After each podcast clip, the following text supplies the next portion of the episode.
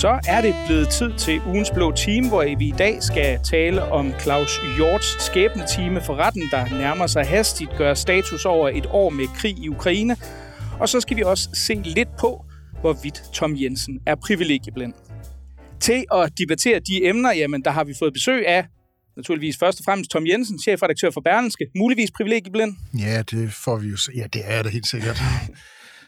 og Michael Jalving, forfatter, journalist, debattør og stor kondensør inden for Feminas erotiske noveller, som den forgangne ja. uge har ja. afsløret jo. Ja. Det skal vi ikke vende i dag. Men de findes jo så ikke, øhm, er jeg blevet belært om. så du er, leder efter. Du er simpelthen meget optaget af de ikke eksisterende erotiske noveller i Femina.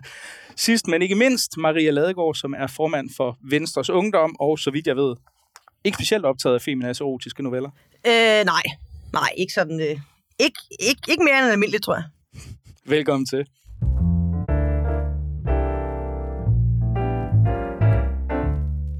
Første gang statsadvokaten ønskede at tiltale tidligere forsvarsminister Claus Hjort Frederiksen for, hvad alle antager af hans offentlige bekræftelser og detaljer om det eventuelt dansk-amerikanske aflytningssamarbejde, ja, så nægtede et flere, folketingsflertal at hæve hans parlamentariske immunitet – men efter sidste valg, men siden sidste valg, skulle det rettere være, har Hjort været ude af Folketinget, og så kan han altså uden problemer tiltales, Øh, hvad statsadvokaten øh, så annonceret, at han blev denne tirsdag.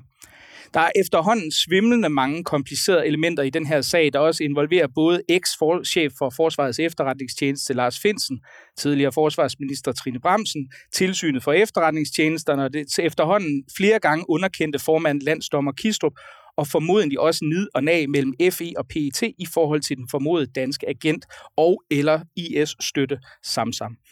Men hvis vi skal ind til benet i forhold til Claus Hjort, og anerkender, at han efter alt at dømme som den første med direkte kendskab til det, offentligt har bekræftet oplysninger, han som minister skrev under på at holde hemmelig, ja, så er det vel både godt og rimeligt, at en uafhængig domstol nu kan vurdere sagen og enten sende ham i fængsel eller rense hans gode navn og rygte.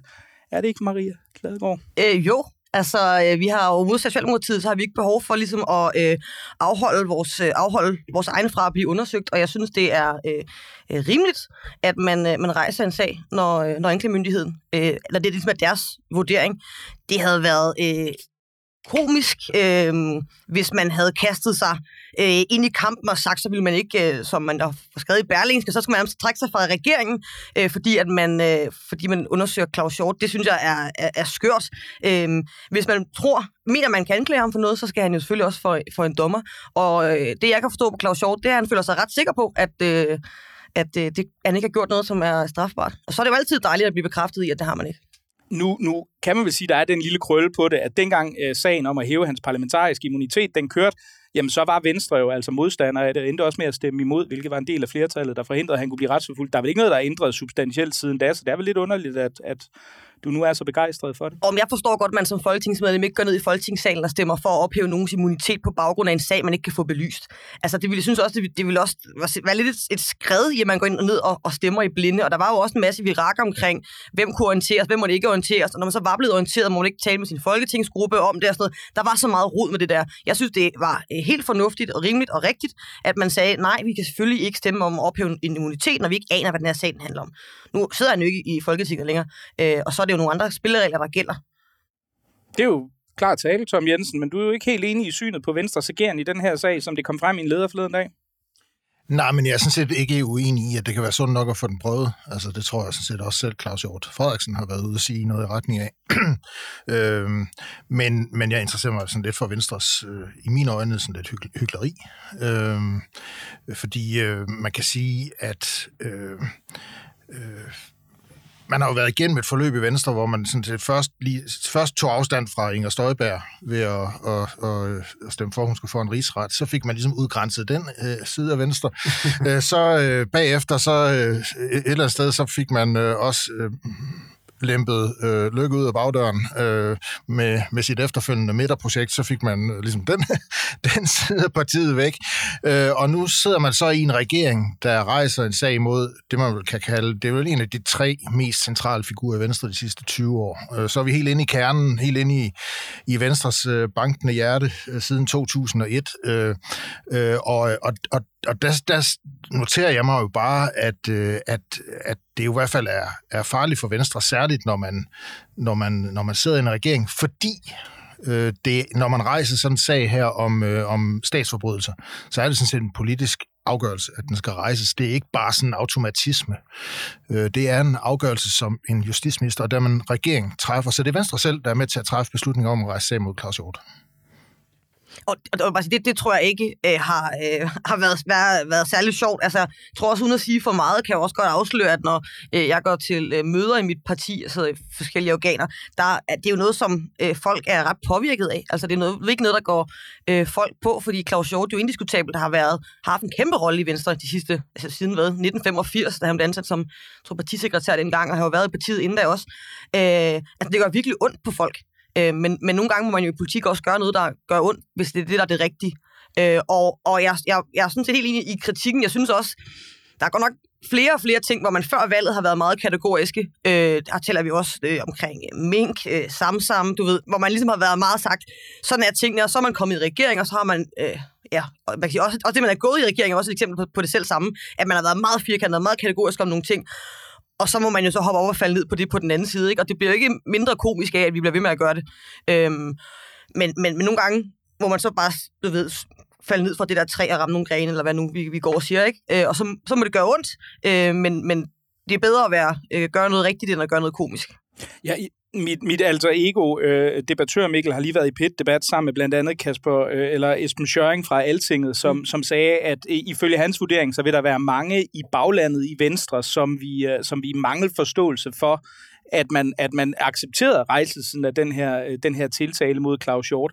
Er det en, øh, er det en korrekt vurdering? Øh, Ja, det er også min vurdering. Men det er jo også fordi, man både, både udad til, men også indad til, har været ret tydelig omkring, at øh, man mener, det er politisk øh, forfølgelse, og man vil gå øh, rigtig langt, så man vil, lad, man gøre alt, tror jeg, nogen har sagt, for at, øh, for at prøve at passe på Claus Hjort og skærme ham fra Socialdemokratiet og sådan nogle ting.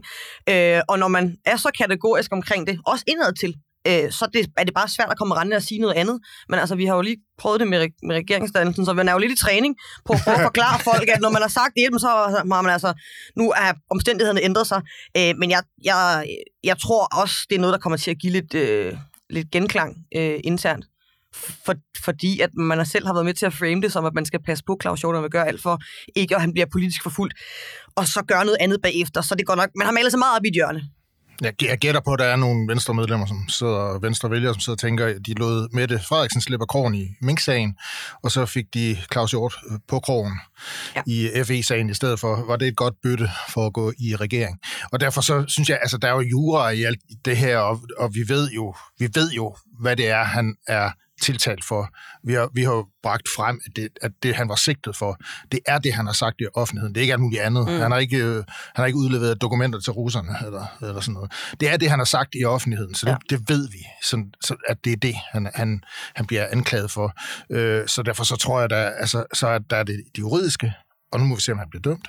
Øh, og så er, det, så er det det politiske. Og så er der jo den lille krøl på halen, øh, at det der med, om, om, om man kan få indsigt i det eller ej, er der jo stadigvæk, fordi det bliver en sag, der bliver ført formentlig i yderste hemmelighed.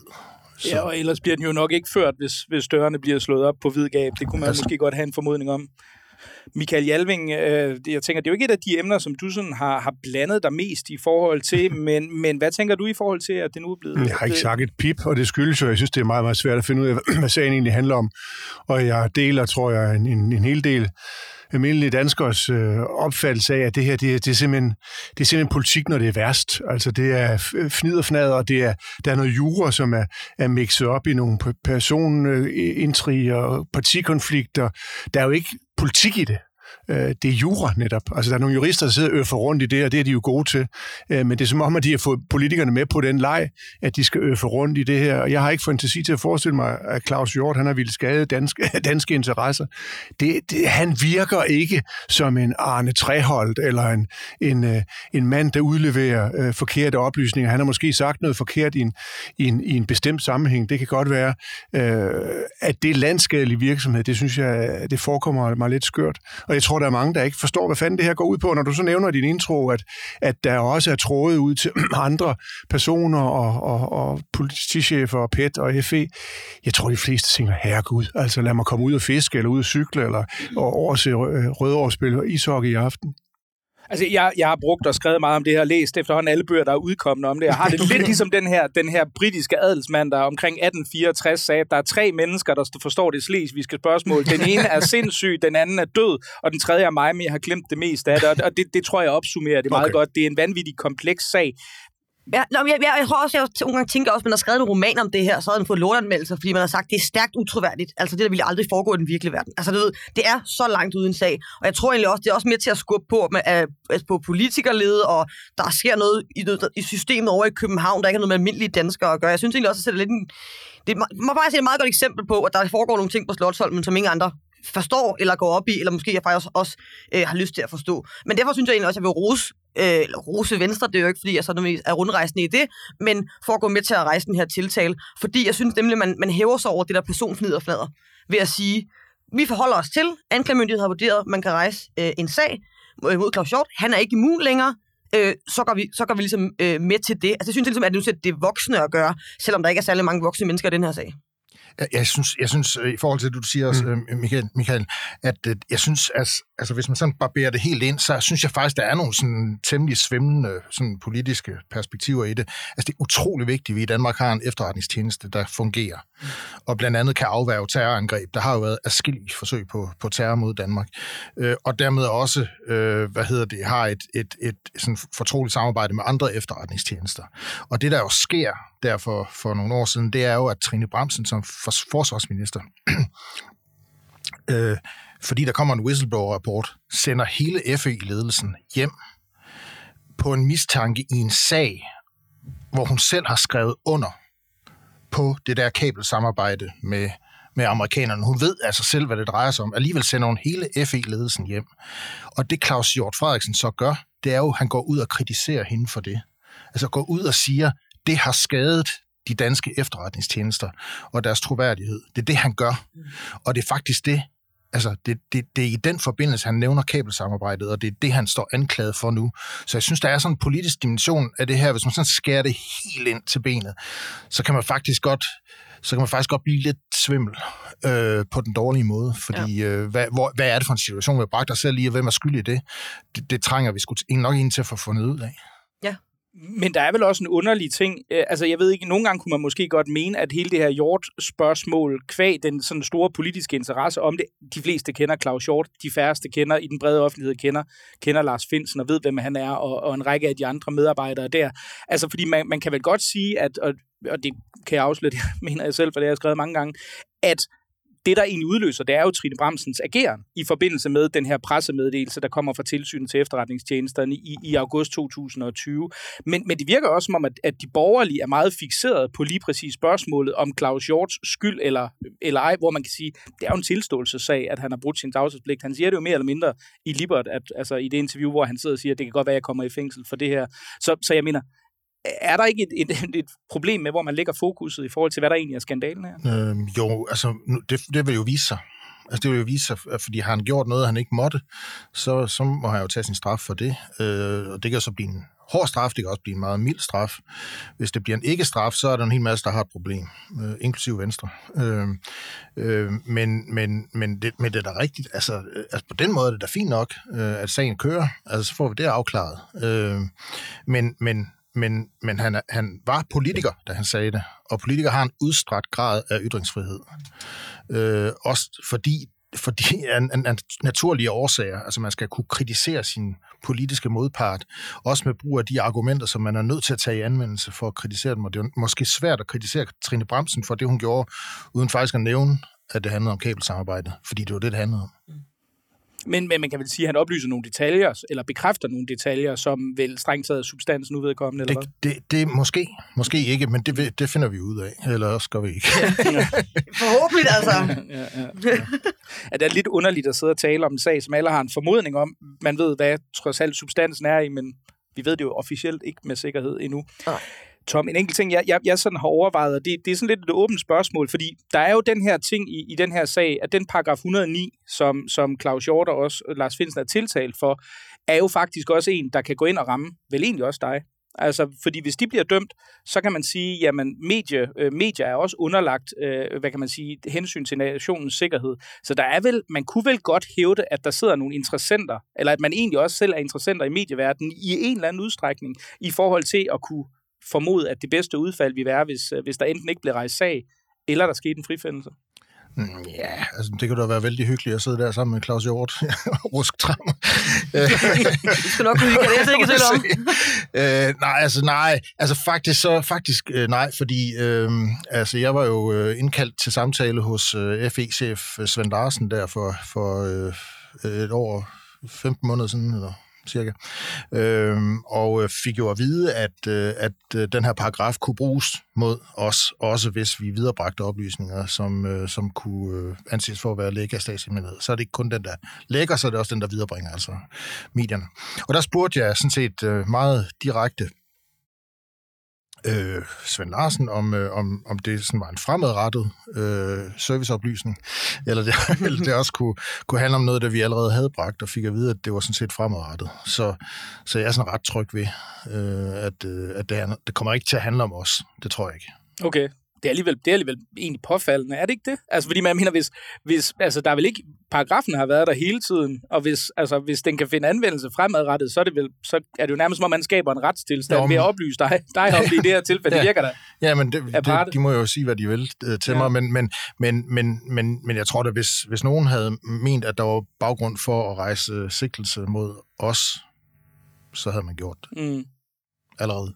Men er det nogen, altså fordi man må jo sige, den næsten mest detaljerede, og det er jo et journalistisk virkelig fornemt stykke arbejde, det, det er jo næsten Berlinskes artikel, der kommer i starten af september, som er meget, Hans Mortensen har en i weekendavisen tidligere, der redegør for, hvordan samarbejdet opstod, men Berlinskes er fra et journalistisk perspektiv, PT eller, e- og FE tænker sikkert noget andet, men den er virkelig, virkelig god, den er ekstremt detaljeret, der er mange kilder på, fremgår det jo også af, af, af den. Øhm, altså, hvad for nogle overvejelser har I i forhold til, til at lave sådan noget? Altså, fordi der er vel over, steder, hvor man kan sige, hvis man afslører put, altså igangværende antiterroroperationer eller noget andet. Der ja, er vel en afvejning? Det er der, og det er der hele tiden. Øh, og det skal der også være. Altså, altså, der er der også ting, vi ikke har bragt. Altså, fordi vi eksempelvis, vi eksempelvis blev, har fået oplyst, at det var en, en igangværende operation, og menneskers liv kunne blive bragt i, i fare, og så videre. Øh, her synes jeg, der var, øh, altså, her synes jeg, der var en, en begrundet, begrundet øh, hvad skal man sige, årsag til at oplyse offentligheden om, hvad det her handlede om. Altså, tænk, tænk, hvis, man, tænk hvis man faktisk hjemsendte hele FA-ledelsen, uden at nogen anede hvorfor. Altså, så offentligheden, synes jeg, havde krav på at få at vide, hvad den her sag handlede om. Øh, øh, og så må andre jo, så må andre jo bedømme, om det, om det er kriminelt at gøre det. Øh, jeg, jeg, jeg synes ikke, det er det, men, men, men det kan være nogle andre mener det modsatte. Maria, i forhold til, hvis, hvis der faktisk det ender med en frikendelse mm. af, af, af, hvad det hedder, Claus Hjort på det her, hvordan tror du så, man reagerer på det internt i Venstre, at man på den ene side har, har accepteret den her retssag, men uh, som så viser sig at ikke at kunne løftes? Øh, puh, ja, det ved jeg ikke. Jeg tror, jeg tror den, den første bølge af utilfredshed er altid den største. Øh, og hvis han så bliver frikendt, så, så kommer man nok, nok til nogen til, der kommer til at møffe over det. Men jeg tror egentlig også, der vil være noget rart i at sige, så fik vi det ligesom prøvet. Altså, men altså, hvis jeg, jeg kender Venstre ret og kigger tilbage på de seneste fire år, så er der nok opstået noget nyt til den tid, som vi kan, som vi kan gå rundt i. Så altså, på den måde, så bliver det nok ikke, øh, du ved, vi har nok fået noget andet at, at gå rigtig meget op i til den tid, hvis jeg ja, kender os ret med. Så jeg tror ikke nødvendigvis, at øh, det, det tror jeg ikke ville være, være en stor, nu siger jeg, en stor sag internt. Mm. Øh, øh, hvis og når, og 7 i 13, at øh, han, han bliver frikendt. Så med denne formodning om, at der faktisk også kommer til at ske dan- ting i dansk politik, der kommer til at kræve opmærksomhed over de kommende år, ja. så tror jeg, at vi går videre til næste emne.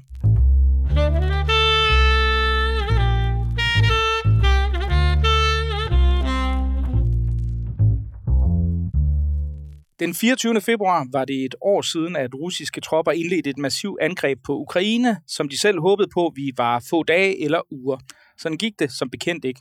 Russerne stormløb mod Kiev. Kiev mislykkedes spektakulært, og siden da er det lykkedes en af Europas mest farmede nationer at trænge en af verdens store militære supermagter ud af store dele af blandt andet Kharkiv og Kherson-provinserne. Og helt overordnet, der vil jeg gerne høre jeres bud på, hvad det vigtigste, som vi har lært af det forgangne års krig har været. Michael Jalving, vil du starte?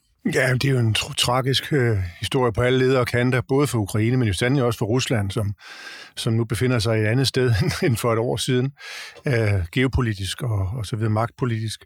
Øh, der er 100.000 vis af menneskeliv, der er gået tabt, og, og, og, og der er ikke nogen sådan øh, synlige øh, ende på krigen. Den første, måske den eneste gode nyhed er vel, at, at Ukraine ikke lod sig, lod sig løbe over ende, modsat hvad der skete øh, både fra øst og fra vest i, i under 2. verdenskrig. Ukraine er altid blevet invaderet øh, fra højre og venstre, øh, og det lykkedes altså ikke helt den russiske øh, styrke der for et år siden. Og det er jo måske den eneste gode nyhed. Øh, den dårlige er, at, øh, at, øh, at Putin, præsident Putin, er jo ikke par i hele verden. Det kan vi måske gå rundt og tro i Danmark eller i Vesten. Altså han er tværtimod måske bedre connected nu, end han nogensinde har været før med, med Kina, med Indien. Han har lige holdt topmøde med BRICS-landene, altså Brasilien og, og Rusland og, og, og, og Indien og Sydafrika. Øh, han er på alle måder i spil, altså geopolitisk, øh, det, un, det undervurderer vi nok, øh, når vi ser det her fra en vestlig vinkel. Det værste er vel, det, det, det, den hårdeste lektie er vel, at, at, at, at Ruslands alliance med, med Kina øh, er, er nært forestående, og at den geopolitiske situation har ændret sig øh, ganske dramatisk. Vi vil meget gerne have, at ukrainerne vinder, og det vil jeg selvfølgelig også gerne, men øh, det ser ud som om, at, øh, at krigen i øjeblikket øjeblikket, hvor, hvor overraskende positiv den egentlig ser ud for ukrainerne, øh, øh, øh hvor overraskende inden ser ud øh, til, til at være en, en vindersag, så fører den måske til et, et geopolitisk øh, nederlag for Vesten på længere sigt, fordi vi bliver mere isoleret, end vi har været. Øh, russerne er mere øh, orienteret mod Kina, mod Iran, Mellemøsten, øh, Saudi-Arabien, øh, øh, eller de saudiske lande, øh, mere orienteret mod mod Tyrkiet, øh, har flere venner, øh, end vi måske regnede med. Og udsigten til, at, at kineserne øh, stiger med på den geopolitiske båd i, i, den, i den alliance, det gør jo, at forsvaret af Taiwan øh, som også nok er nært forestående, øh, det, det ser ud til at være sværere. Plus, og det er så jokeren i hele det her spil, det ved vi godt alle sammen, at der er nogle kernevåben, der også skal bruges. Enten sådan taktiske, øh, kort, altså øh, mindre kernevåben, men der er også store kernevåben bagved. Så, så det her er jo kun lige begyndt, begyndt, kan man sige. Vi vil gerne have, at krigen stopper, men det ser ikke sådan ud i forløbet. Maria Ladegaard, hvad, hvad tænker du af den lektie, som, øh, som du tager med dig efter et års krig i, uh, i Ukraine? Mm, jeg tror, den lektie, som jeg egentlig også tror, sådan, at den brede befolkning har fået, det er, at man godt i Danmark, vi kan godt gå rundt og... Vores verdenssyn er ikke alles verdenssyn, og det tror jeg, nogen, det tror jeg egentlig, at det er blevet mange bevidst, øhm, at, øh, at vi ikke...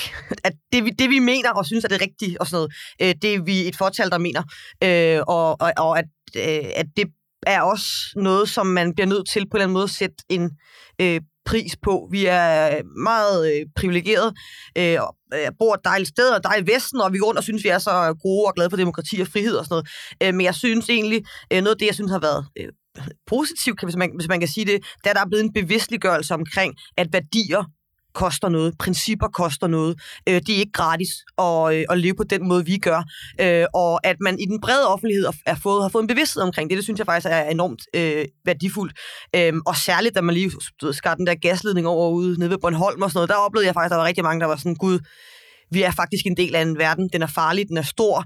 Øh, hvis vi gerne vil øh, kæmpe vi gerne vil leve sådan her, og tror andre folk også skal gøre det, så er det noget, som, øh, som også koster store bededag, og som også koster investeringer for, som koster alle de her ting.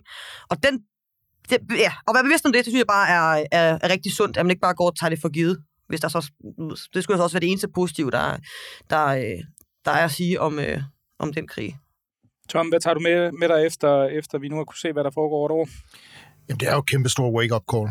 Altså, øh, det er det. Altså, det som vi siden 2014 har troet var sådan en lokal konflikt, sådan noget i det østlige Ukraine, er jo i virkeligheden, man kan jo godt sige, sådan teoretisk set er det jo øh, en slags verdenskrig allerede. Øh, forstå på den måde, at, at det, det er jo en eller anden civilisationskamp mellem en fri verden og en ikke fri verden. Øh, og du har jo helt ret, Øh, øh, Michael. Altså, øh, øh, Putin får jo opbakning fra fra ikke bare øh, autoritære styre sådan i, øh, i sådan russisk-kinesisk forstand, men også fra, fra islamiske regimer. Øh, dem har vi jo selv defineret os selv som værende i en slags civilisationskamp med, i hvert fald de sidste 20-25 år. Øh, men jeg tror, det er overraskende for mange, at, at, at, at vi står over for øh, sådan et, et, et, øh, et, et, et, en forkastning, kan man sige, igennem verden, øh, som, som er så voldsom. øh, og som vi simpelthen ikke kan som vi simpelthen ikke kan smyge os fri af at være en del af, også selvom vi ikke selv direkte er i kamp i Ukraine. Altså det er vi simpelthen nødt til at indstille os på. Øh, og det er virkelig på alle mulige måder. Øh, det er både, hvor meget vi bruger på vores forsvar, men det er også, hvor meget handler vi med kineserne. Øh, øh, altså, øh, hvor meget satser vi vores pund på dem. Øh, så det er jo en fuldstændig omvæltning af alt, man har tænkt de sidste 30 år i den øh, vestlige verden, øh, som jeg synes er sat på spidsen i, i den konflikt. Og det tror jeg, vi har gjort os klart, heller ikke, øh, da der var gået en uge øh, af, af krigen for et år siden nu kan man sige, at, at, at man kan jo sagtens lave argumentet for, at det er Vesten mod resten, men hvis vi så kigger på, hvordan Europa har håndteret det, så, så kan man vel sige, for sådan nogle dystopikere, som måske jeg selv også, dig Michael Hjalving, mm. så vil man have tænkt, med, altså også i Vesten, vi er sådan nogle woke, øh, linsespisende, kulturrelativistiske, selvhadende typer, som ikke kan noget som helst. Men nu ser vi faktisk, at selv tyskerne, som jo er relativt åbenlyse grunde har været bange for deres egen skygge de sidste 70 års tid. Svenskerne, de, de, tyskerne mobiliserer voldsomt, sender våben afsted. Svenskerne øh, tager faktisk stilling og melder sig ind i NATO, og, og vi ser faktisk et relativt samlet Europa. Det er vel en positiv ting? Det er det. Det er det. Øh, vi lærer jo, at, øh, at verden er mangfoldig. Og det er underligt, det er sådan en som mig, der skal sidde og sige det, fordi jeg plejer jo ikke at være så vild med det i Danmark. Men verden er jo mangfoldig på global plan. Øh, den er ikke noget univers. Vi er ikke fælles om, om, om, om, om alting. Øh, der er ting, som deler os, og det, det bliver vi, som Tom også er inde på, øh, øh, tydeligt bevidste om i øjeblikket. Men det forhindrer jo ikke, at der er nogle små gevinster, vi kan, vi kan, vi kan øh, anerkende. Altså, at svenskerne lige pludselig skulle øh, øh, smide deres øh, højt kronede neutralitet øh, ud med badevandet, det, det, er jo, det, er jo, det er jo historisk, øh, og det, det er jo særpræget også, at det skal tage så kort tid. Altså, øh, man kan sige meget om svenskerne, men når de egentlig beslutter sig for noget, så plejer det at gå stærkt modsat i Danmark, hvor vi snakker om alting i 100 år, og så sker der alligevel ikke en skid. Altså, den svenske øh, sådan, øh, erkendelse af, at det her, det, det, det er tæt på, altså de grænser også, også op til Rusland, de er jo tættere på, end vi er, øh, den er faktisk, synes jeg, imponerende. Så der er der, der, er der gode tegn, altså. Men, men vi kommer jo ikke udenom den lektie, øh, som vi taler om her, at verden er mangfoldig, og vi er faktisk i mindretal, som du også siger med det. Altså, det er, der, der er flere, der er uenige med os, end enige med os, og derfor skal vi skal vi øh, spille vores kort rigtigt. Og det her med, at Rusland og Kina lige pludselig danner en stærk alliance, det er jo dybt ulykkeligt for os, fordi indtil for kort tid siden, som Tom også lige sagde, så var, var kineserne jo vores hovedfjende, eller amerikanernes hovedfjende i hvert fald. Øh, og hvis, hvis Rusland og Kina danner et ægteskab, jeg er godt klar over, at det er et fornuftsægteskab, men hvis de gør det, så står vi ret øh, alene, øh, også øh, i, altså i Europas nærhed. Og det er, det er ikke sådan lige at løse. Men, men hvad, stille, altså, hvad kan vi reelt stille op mod det? Det vil vel være den samme alliance, vi vil forvente at se, hvis vi faktisk var kommet i konflikt med, med Taiwan. Så vi, russerne, vil også have støttet øh, øh, kineserne i den sammenhæng i en eller anden grad i deres forsøg på at gøre op med den, med den sådan øh, multi, eller monopolære verdensorden. Man kan sige, det, det, det tvinger os jo nok i hvert fald til at overveje øh, konsekvenserne, hvis vi giver op i Ukraine.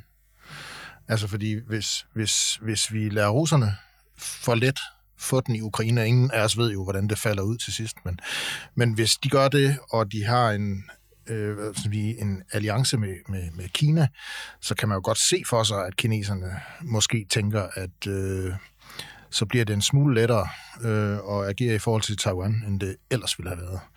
Altså, de kunne ikke, de kunne, de kunne ikke klare russerne, så kan de nok heller ikke klare os. Ja, præcis. Og det, og det, er også, det er også det, jeg siger med, at det, her, det er jo ikke bare en anden lokal konflikt et eller andet sted. Det er jo, altså, det er jo, det, er jo det, der kommer til at definere, hvordan verden hænger sammen om 100 år. Altså, øh, og det er jo også det, der synes, jeg synes, der gør det så frygtindgydende. Altså, øh, en ting er, at det er tæt på øh, nogen, der ligner os, minder om os og sådan noget, men en anden ting er også bare udfaldet af det her. Det altså, har, kommer bare til at have så store konsekvenser. Altså, det er også derfor, man siger, ud, man har ikke rigtig råd til at tabe i Ukraine. Altså, øh, og det den erkendelse, jeg tror, altså, oplever jeg egentlig også eller, er nået frem til, ikke? men så bliver det bare langstrakt og dyrt, og øh, vi har allerede øh, har, du, haft øh, høje priser på øh, brændstof. Du ved, det, det, det, det kommer også til at koste meget for, for, øh, for Jytte og Kenneth, øh, der bor, meget almindelige danskere, der bor i almindelige almindeligt hus. Ikke? Altså, det, og det, det, er jo, det, det er jo så prisen for, øh, for at kunne leve i en, i en, i en fri verden, men det, det er bare meget, det er bare alt om sig gribende, den der, øh, den der konflikt. Og det kommer konsekvenserne også til at være. Altså det er bare, ja, men spørgsmålet er vel, altså, om, om Danmark egentlig tager det her til, tilstrækkeligt seriøst i, i uh, den her uges udgave af Weekendavisen, der redegør deres journalist André Kansankov for, at uh, Danmark, vi ligger middelmodigt, når det kommer til hjælp til Ukraine mål i forhold til vores BNP, og vi ligger helt ned omkring nummer chok, når det gælder investeringer i de her berømte 2% uh, øh, forsvar i forhold til vores NATO-forpligtelse, og han konkluderer afslutningsvis, at citat, danskerne helst vil være usolidariske og fri for at bruge deres rigtig brede skuldre til at bære de tungeste militære byrder. Og det, det står jo i ret meget kontrast til den historie, vi får fra regeringen, som, som jo nærmest ikke har ikke nogen grænser for, hvor ambitiøse forsvarsforlig og hvor mange penge man bliver brugt i det. Er det en retvisende udlægning? Ej, jeg synes også, det er lidt, det er lidt fjollet, for han, han, han undlader jo øh, behendigt at nævne, der er forskel på at accelerere fra 0 og accelerere fra 50. Han sammenligner eksempelvis med Estland. Øh, men de bruger, har altså bare brugt mange flere penge på deres forsvar i mange år, end, end vi har i Danmark. Så den sammenligning, altså du ved, man kan godt kigge på tallene og så konkludere en masse, men man er også ligesom have historikken med. Og vi kan jo, kommer ikke ud med Danmark, at vi har været, du ved, helt øh, hammerne øh, barnagtige og naive, når det kommer til vores egen sikkerhed. Vi har vores, vores forsvar er jo altså øh, en sølle forfatning, ikke? Det er næsten pinligt, øh, fordi man bare har troet på, at bare man handlede, og så, så skulle vi nok, så kunne vi flette blomsterkranser og have det rart, ikke? Så fandt vi ud af, nå for søren, sådan har de det ikke i Rusland eller i Kina, så må så gøre noget ved det. Men altså, man kan sige, man, man kan jo ikke bare fra den ene dag til den anden øh, altså komme op på samme niveau, de her 2,2 procent, som man bruger i, øh, i Estland øh, af BNP på, øh, på deres... Øh, deres forsvar. Altså, det kan jo altså, ikke sådan sige, praktisk muligt, øh, og det har han ikke lige fået med i den der øh, lange svater, han har skrevet. Det synes jeg er, egentlig er lidt ærgerligt, at, at det, ja, det bliver meget sådan sort-hvidt på sådan meget... Ja. Og det er jo en gammel skade. Altså, han har sådan mm. set ret. Mm. Det er bare en gammel skade. Ja. Altså, vi har jo ikke engang ammunition at komme i geværene. Altså, så er der jo altså, grænser for, hvor mange krige man kan vinde. Øh, sådan helt selv. Øh, så, så, så, så man kan sige, jeg tror, det er en rullende øh, udvikling, vi er ude i nu, som kan rulle meget hurtigere, end vi kommer til at tro. Altså, der kom, øh, der kom det der nationale kompromis sidste år, der kommer et nyt forsvarsforlig i år, kan vide, om det er sidste skridt det, det er det nok næppe. Altså jeg tror, vi, vi kommer til at opdage, at vi er nødt til at investere rigtig, rigtig meget mere i det her, end, end vi har gjort. Så ja, altså sådan ud fra sådan en historisk betragtning, så, så er det jo rigtigt. Øh, og så er vi i gang med en kæmpe stor operationsøvelse øh, lige nu. Michael Hjalvin, kan du, kan du mønstre lidt, uh, lidt øh, dystopisk sort syn over vores øh, uh, nationale mobilisering i stil med Kazankov, eller er du enig? Nej, men jeg synes jo, at det, det er nemlig, altså han peger på nogle ting, som jo, det er jo rigtigt nok, men der er en historisk forklaring, så jeg er faktisk enig med i to andre. Altså det er jo noget, der er sket uh, i den lange periode efter murens fald, altså hvor vi troede, historien var slut, og alting var, var om ikke blomsterkranse, så Legoland og, og soft ice maskiner og, og, og buffet herfra til, herfra til Bilund, ikke? Altså, så, og det, det er jo væk, og, og det, er jo, øh, altså, det, det siger noget om, at det, det, det er ikke alle vores snakke, der, der ændrer på ting, det er begivenheder, ikke? Og den der invasion øh, af Ukraine, der har simpelthen sat nogle skred i gang, og fået selv de der blomsterkrans-lavende øh, socialister på venstrefløjen til at indse, okay, det koster faktisk penge, og USA kan ikke, kan ikke redde os hver gang selvom de historisk set har, har gjort det. Øh, så der er jo sket nogle enorme skred, i, øh, på, især på venstrefløjen. Øh, det er jo nemt at skælde ud på regeringen, men det er jo faktisk venstrefløjen, der har været fodslæbende i alt det her i alt for længe. Øh, så det tager tid at vende sådan en, en skude, og, og jeg så gerne, at man, man brugte lidt mere øh, på krudt og kugler, og lidt mindre på integrationskonsulenter og alt muligt andet fis. Ikke? Øh, det er en politisk diskussion. Men jeg tror også, det der med, at han, han skyder befolkningen i skoene, at de ikke vil, vil prioritere øh, og, øh, og bidrage til Ukraine. Det synes jeg egentlig også er en fejlslutning. Han, han fremhæver sådan noget. Det er kun 25 af danskerne, der synes, at Danmark skal give flest penge.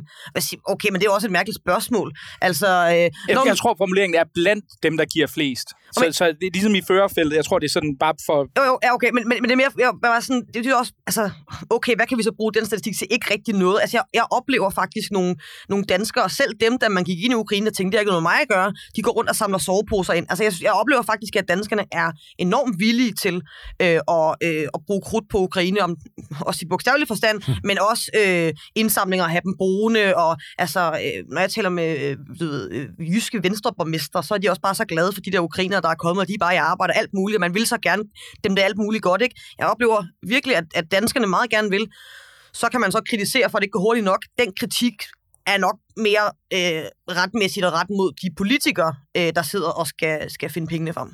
Men vi skal selvfølgelig være opmærksom på, at jo mere det her kommer til at koste på alle mulige fronter, altså ikke kun pengefronten, men, men på alle mulige fronter, så kan der jo, så kan der jo opstå modstand mod øh, at investere mere i det. Altså, det ser man jo allerede et tegn på, øh, ikke så meget herhjemme, men i USA. Øh, øh, og øh, og det, det kan jo ske. Altså, øh, så hvis de kommer efter anden pinsedag, så tænker du så... Øh... Ja, eller hvis vi skal til at investere 4% i vores forsvar, okay, så skal pengene tages et sted fra. Hvor skal det tages fra? Øh, og vi ved jo godt, som du selv øh, lige siger omkring integrationskonsulenterne, at hver gang der skal spares et sted i den offentlige sektor, så... Øh, så er det jo en, en, en, en kamp i sig selv. Øhm, så, så det kan jo godt blive, det kan jo godt blive vanskeligt på den måde, også indad til mere vanskeligt, end det er lige nu. Og det er også, at jeg synes bare, man skal komme afsted med det der, fordi jo længere tid der går, jo mere kommer folk til at være sådan, åh, men du ved, hvor mange penge skal... Altså, ved, jeg tror, det opstår over tid. Så jeg synes bare, man skal få sendt nogle... Øh, skruer op for det forsvarsbudget og sendt nogle penge afsted. I, altså, og så kan vi forhåbentlig nå, nå et ret højt niveau, før der er nogen, der begynder at være sådan lidt... Øh, lidt møffe lidt over, at det er også lidt dyrt. Men altså, frihed koster.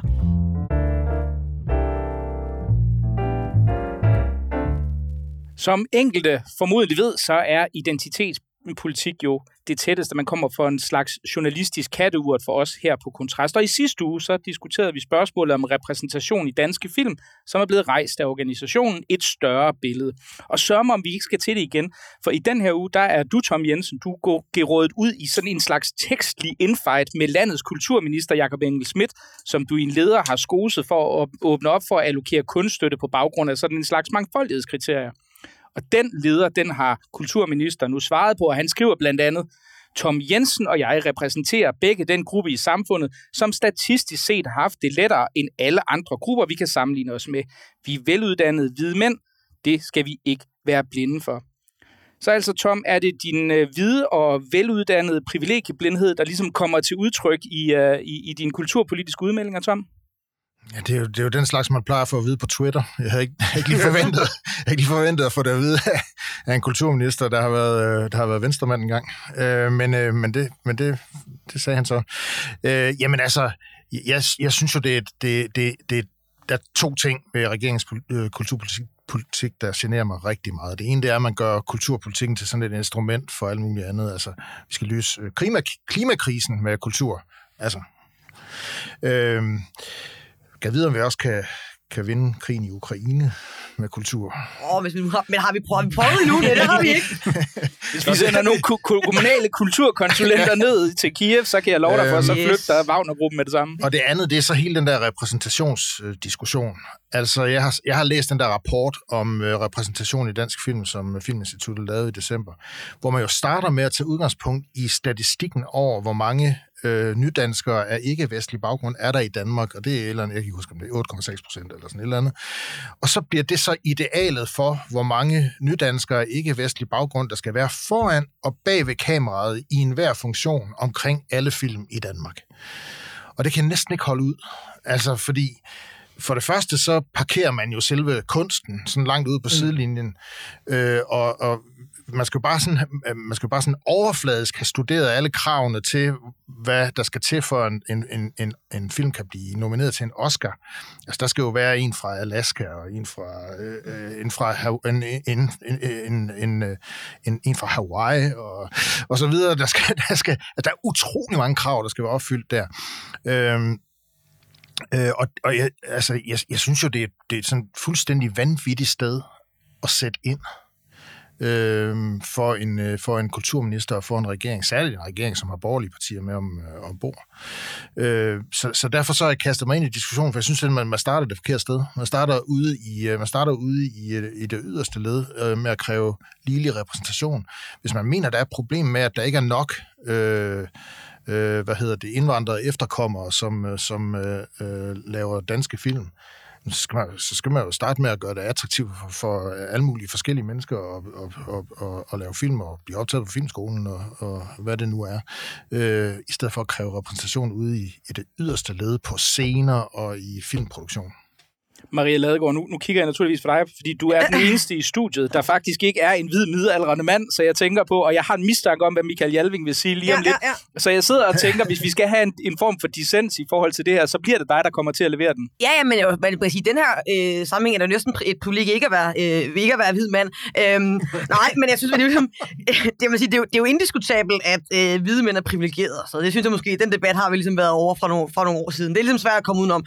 Øhm, jeg er enig med øh, kulturministeren så langt, at når man bruger offentlige kroner på noget, så synes jeg også, at man godt vil være med til at bestemme, øh, hvordan det ser ud. Vi gør det også uden sammenligning i øvrigt med Folkekirken, hvor vi har besluttet, at der må man godt blive videt som homoseksuel, øhm, selvom man så kan tale omkring, må man det i forhold til Bibelen. Det er vi ikke så optaget af. Vi er ret optaget af, at vi som øh, samfund gerne vil fremme noget, øhm, og derfor har vi truffet en politisk beslutning om, øh, om noget. At man, altså omvendt, så, så, langt, så langt synes jeg, det er meget fornuftigt. Omvendt så, Lars von Trier havde det her legendariske citat, hvor han bare sagde, du ved, øh, rent mig i røven, jeg arbejder kun under total kunstnerisk frihed, alt andet leder til fascisme og sådan Og, og det er sådan, der er jeg også sådan, egentlig også lidt henne. Øhm, fordi jeg synes også, det er mærkeligt, hvis man gerne vil have øh, kunst, øh, at man, og, altså kultur, man så insisterer på, at det skal være på en måde, som nogle politikere har besluttet. For der er en grund til, at politikere ikke er kunstnere. Øhm, og, og den opdeling, synes jeg, er ret fornuftig. Altså så, så jeg synes egentlig, den, den fornuftige måde, for mig at se, vil jo være, at man ligesom laver en almindelig støtteordning, som er, som den plejer at lave, og så kan man så lave en minoritetsstøtteordning, som man så kan søge til nogle projekter, som måske ikke havde fået den almindelige støtteordning, men hvor man så kan få alle mulige med. Og så er jeg så enig med, med, med Thomas så langt, at det giver heller ikke mening øh, at ville have folk på scenen eller bag kameraet, hvis ikke man har uddannet nogen til at, til at gøre det. Altså, som med en fødekæde, vi er nødt til at starte øh, i den anden ende. Øh, men jeg synes sådan set, at det er rigtigt, at man politisk beslutter, hvad man bruger penge på. Men, men det synes jeg så lige præcis på kulturområdet, at, at, at det er faktisk farligt. Fordi altså, hvis du siger, at på kulturområdet, så er den, der betaler for musikken, der skal bestemme, hvad der skal spilles, så er det jo en politisering af kunsten. Og da man indførte kunststøtten tilbage i, i 60'erne, så var, var armslængdeprincippet var jo, var jo virkelig, virkelig afgørende for, at det ikke var politikere, der skulle sidde og bestemme, hvad god eller dårlig kunst var øh, og hvad staten ville støtte øh, af, af, af kunst. Og det er man lidt ind og ende med at gøre her, fordi man er i hvert fald inde og beslutte, hvem det er, der må fremføre øh, kunsten. Man er i hvert fald inde og påvirke det. Øh, og, og der synes jeg faktisk, det bliver lidt, en lille smule farligt, og der skiller kulturområdet for mig så principielt ud, lidt ligesom medieområdet, skiller sig principielt ud fra, at jamen, okay, hvis du vil have, hvis du vil have øh, kontanthjælp, så forventer vi, du står, du står til rådighed for arbejdsmarkedet. Okay, det er sådan noget for noget. Øh, det tror jeg, de fleste øh, godt kan se øh, logikken i. Men hvis du vil have støtte til din film, så skulle du lave en bestemt film med nogle bestemte øh, mennesker. Det synes jeg er meget, meget sådan, det, det løber mig lidt koldt ned ad ryggen, vil jeg sige. Michael Hjalving, nu, nu er du jo, jeg ved, du har en stor veneration for Sverige, og vi har jo sådan haft sådan en slags uformel støtteordning inden for dansk film igennem mange år, hvor det jo altid galt om at have den obligatoriske svensker med, fordi så kunne man også få støtte fra det svenske filminstitut. Så hvis nogen har undret sig over, at der altid er en enkelt svensker, der render rundt, så er det altså i den grund af. Men jeg har en mistanke om, du måske ikke er så åben over for den her type kvotering alligevel. Nej, men jeg er jo meget enig med Tom her, fordi det, det er jo etnopolitik. Altså det er jo at bevæge sig væk fra, hvad kunstens væsen er for noget. Kunsten er, er stridbar. Kunsten er noget, som, øh, som øh, dyrker det smukke, det skønne, og også øh, polemikken og, og det, der går ondt. Altså sætter fingeren ned der, hvor, hvor tingene er, er, hvor det bliver virkelighedstro. Og det her, øh, det er det modsatte af det virkelighedstro. Det er jo politik, det er jo skrivebordsgeneraler. Det er sådan nogle typer som, som kulturministeren, der øh, meget kan man sige om det parti, han repræsenterer, men, men det er jo alt, de har jo vist sig at have fingeren fuldstændig på, på tiden. Altså de har, de har, de har lavet en, øh, en, en forbindelse til tiden, som øh, øh gav med godt valg, og nu har de fået et par ministerposter. Øh, det må man faktisk øh, øh, rose dem for. De er gode til at være der, hvor det populære synspunkt er. Øh, op til valget var det noget med nødvendighedens politik, og vi skal væk fra de dumme fløje, og det, det fængede altså. Og nu har Jakob øh, Engel så fundet på det der med, med repræsentation, fordi det snakker hans kæreste om, eller det snakker de om øh, på Twitter. Eller, altså, han, han har jo ryggrad som, en, som den berømte øh, regnorm, ikke? og han var jo venstremand engang, og det, det, er stadig, det er så åbenbart fortid. Han løber med tidsånden, og det er, øh, det, det er godt, han får nogle hug for det. Jo, altså, jeg vil bare sige, kunst og kultur kan jo godt eksistere og opstå, uden at vi skal finansieres af, øh, af statskassen. Oh, Altså, ja. øh, og det tror jeg også nogle gange, øh, man, altså også nogle gange ofte kunstnere glemmer, at man kan godt producere noget uden at suge, uden at suge på lappen. Ikke? Øhm, for det første. Og for det andet, så, så jeg synes bare det med, at hvis man politisk ønsker at fremme mangfoldighed i kunst og kultur, så synes jeg også, at det er øh, fornuftigt, at man træffer en beslutning om, at man giver nogle penge, der er øremærket til det. Og det synes jeg godt kan sameksistere med, at man også øh, giver, altså, giver almindelig kunststøtte uden alle de her skøre krav. Fordi hvis det hele, hvis alle kunst, kunst- og kulturstøttemidler i det her øh, land skal have alle de her øh, mangfoldighedsparametre, så bliver det jo lidt gakket. Altså det tror jeg hurtigt, måske også nemt at blive om her. Så bliver det jo lidt, lidt, øh, lidt, lidt det, det, gakket, det, det, synes... det er et skråplan, ikke? Fordi man begynder altid i det små, Ja. og vi kan godt acceptere det lidt der, og så kan vi acceptere det lidt der, og til sidst så har vi accepteret det over det hele. Det gælder om at slå det ned fra starten af som sådan en, en virus eller et bakterie. Vi kan jo ikke bekæmpe vira, har jeg lært, Nej. men, men det er en bakterie, som skal slås ned, og det, det er irriterende, at den, den kravler ind i nominelt borgerlige øh, ministre og meningsmager og alt muligt andet.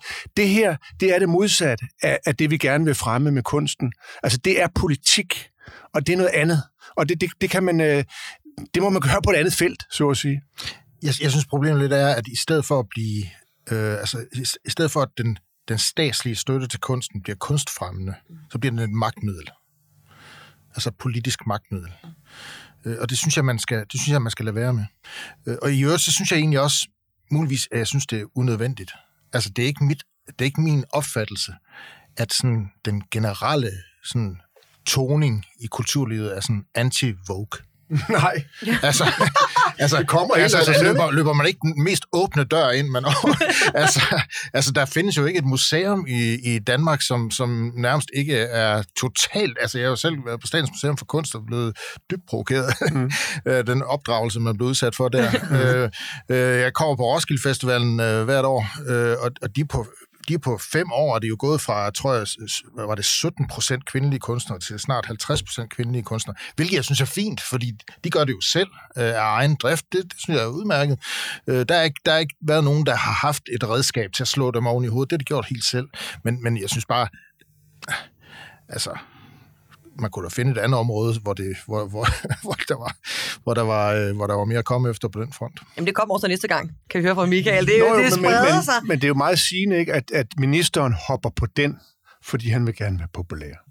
Og det er jo det, der, er- det er det, der er svigtet faktisk. Ikke? Og det er der, han viser, hvad han er lavet af, at han hopper med på den bølge, fordi den er, den er, den er populær inden for hans ressortområde.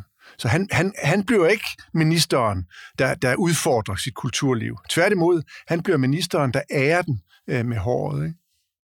Jo, jo, jo, ja, jo, men jeg tror, jeg synes, jeg synes, det er totalt legitimt, at man politisk ønsker at, altså, at forme, hvad man, hvad man bruger penge på. Og så er jeg, jeg, så er jeg enig med i den balance med, at man, det kan også blive for, altså, der må også være, være afstand, ligesom der er til medierne. Øh, den afstand synes jeg ikke, at man øh, nedbryder ved at lave en, en særskilt, nu kalder det minoritetspulje, øh, som nogen kan søge til at lave noget eksperimenterende med noget øh, repræsentation og sådan noget. Øh, jeg synes først, det er farligt, hvis man, hvis man tager den almindelige kunststøtte og, og, og, og altså omlægger den fuldstændigt. Øh, for jeg tror ikke, øh, at, øh, at kunst er dårligere, øh, fordi der er en med, der ikke er en hvid mand. Øh, måske tværtimod. Øh, men det, må, det skal man jo bare lige, lige selv finde ud af. Men at man så siger, at vi vælger politisk, vi vil gerne prioritere det her politisk, så man kan få nogle ekstra midler, hvis man laver noget bla bla, minoritetshejs. Det synes jeg bare så, you go. Men fred være med det, men, men det, det vi taler om her er jo øh, lidt det, du taler om at starte i det meget, meget små. Mm. Altså det er at sige, okay, du har et spillested, du får kommunal støtte. Hvis du skal have den, så skal du opgøre, hvor mange minoriteter eller øh, repræsentanter for hvert af de definerede køn, som optræder på din scene. Det er jo lidt akavet, skal man ud og spørge folk, hvilken seksualitet de har. Det skal jeg nok fortælle dig selv. Nej, nej, køn og seksualitet to, to Ja. forskellige ting. Undskyld, ja, men, men køn, køn, kønsidentitet, Identitet. alene det at skulle ud og... Det har jeg tænkt meget Ej, jeg over. kan se, I gør umage. Ja, vi gør, vi gør os umage. Ja. Øhm, men så begynder man, man begynder jo i det hjørne, hvor man siger, nu skal I opgøre det. Mm. Altså, I skal tælle. Ikke? Øh, lurer mig, om det næste skridt ikke er, at så begynder man så at, at, at, introducere, ja, så introducerer man så tanken om, at nu skal man nå noget bestemt. Det kan man måske starte med at gøre frivilligt, øh, og næste skridt er så, at så bliver det en kvote.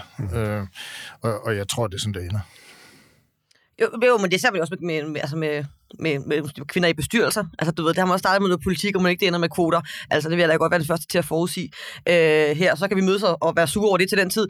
Øh, men, men jeg tror bare, for mig, altså, jeg, tror, jeg tror egentlig, vi kan være enige så længe, at altså, så længe det er et nulsumspil, altså så længe man fratager penge, tager penge fra nogen, fordi de ikke er mangfoldige nok, så er det et problem. Men hvis man, og det er jo det, så jeg vil foreslå for eksempel, kunne vi mødes på midten, at man kan tilføre nogle midler, som man så kan få, hvis man er ekstra mangfoldig. Du skal, nok blive, til noget, ikke... du skal nok blive til noget politik. Ja, du...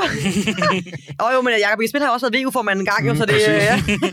men, men Maria, jeg tænker på, altså hvis, hvis du nu skulle, nu ved jeg selvfølgelig, det, det er jo trods alt VU og ikke Venstre, som, som du er formand for, men hvis du nu skulle gætte, hvis det kommer til afstemning, og det gør det jo før eller senere, altså, ja. altså hvis det bliver udmyndet i et konkret forslag, altså man siger, som vi har hørt det, og det er diffust fremlagt, ikke? Det, det er jo meget, men som det lyder på den gode kulturminister, så er det, at man på en eller anden måde i forhold til mediestøtte, altså øh, den mediestøtte, der bliver givet til film, mm. der skal man indføre en eller anden form for kriterier. Er det noget, som du forestiller dig, Venstre vi, øh, vi, vi støtter, når det bliver fremlagt i Folketingssalen eller ej? Jeg oplever en enorm stor vilje i regeringen til at bøje sig i den ene og den anden retning for lige at mødes. Øhm, så jeg tror ikke, som, øh, som, som tingene står lige nu, så tror jeg egentlig, at, man, øh, at, at, at Venstre vil, øh, vil gå, med, gå med til det. Men man går med til mange øh, mange ting for tiden, øh, fra, alle, men fra alle partierne. Altså, så det man jo, for et år siden ville jeg jo sige nej, altså, øh, men som tingene er lige nu, så er det helt overvist om, at det kommer man til at, øh, at, at gå med til.